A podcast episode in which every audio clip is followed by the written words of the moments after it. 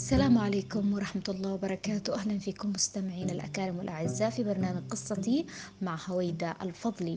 حلقتنا اليوم في برنامج قصتي عن المرأة المعيلة المرأة المعيلة هي المرأة اللي بتتحمل مسؤولية البيت هي اللي تكون المصدر الدخل الأول في البيت رغم وجود أحيانا الرجل أو أحيانا عدم وجود الرجل. كيف وما السبب أن تكون المرأة معيلة؟ وهل الإعالة الزائدة على المرأة في البيت آه تسبب لها مشاكل وضغوطات؟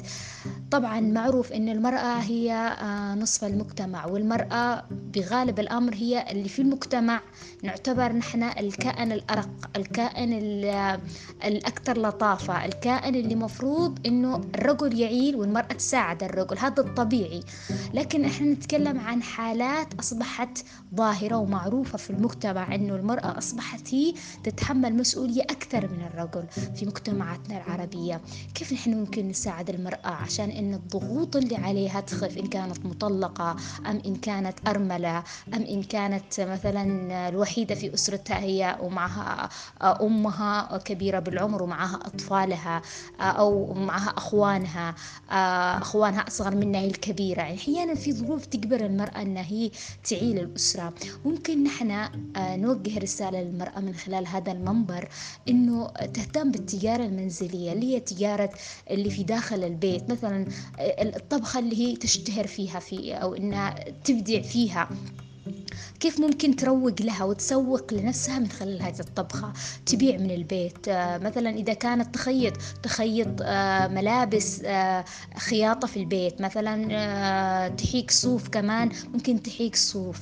هذه الحاجات ممكن توفر لها دخل أفضل ممكن تخليها بحالة مادية مستقرة. الحالة المادية المستقرة تخليها باكتفاء وتمكين اقتصادي. ممكن إنها يوم من الأيام تكون بزنس وومن ممكن تكون آه سيدة أعمال. ليش لا؟ يعني كل شيء ممكن. ما فيش حاجة مستحيل.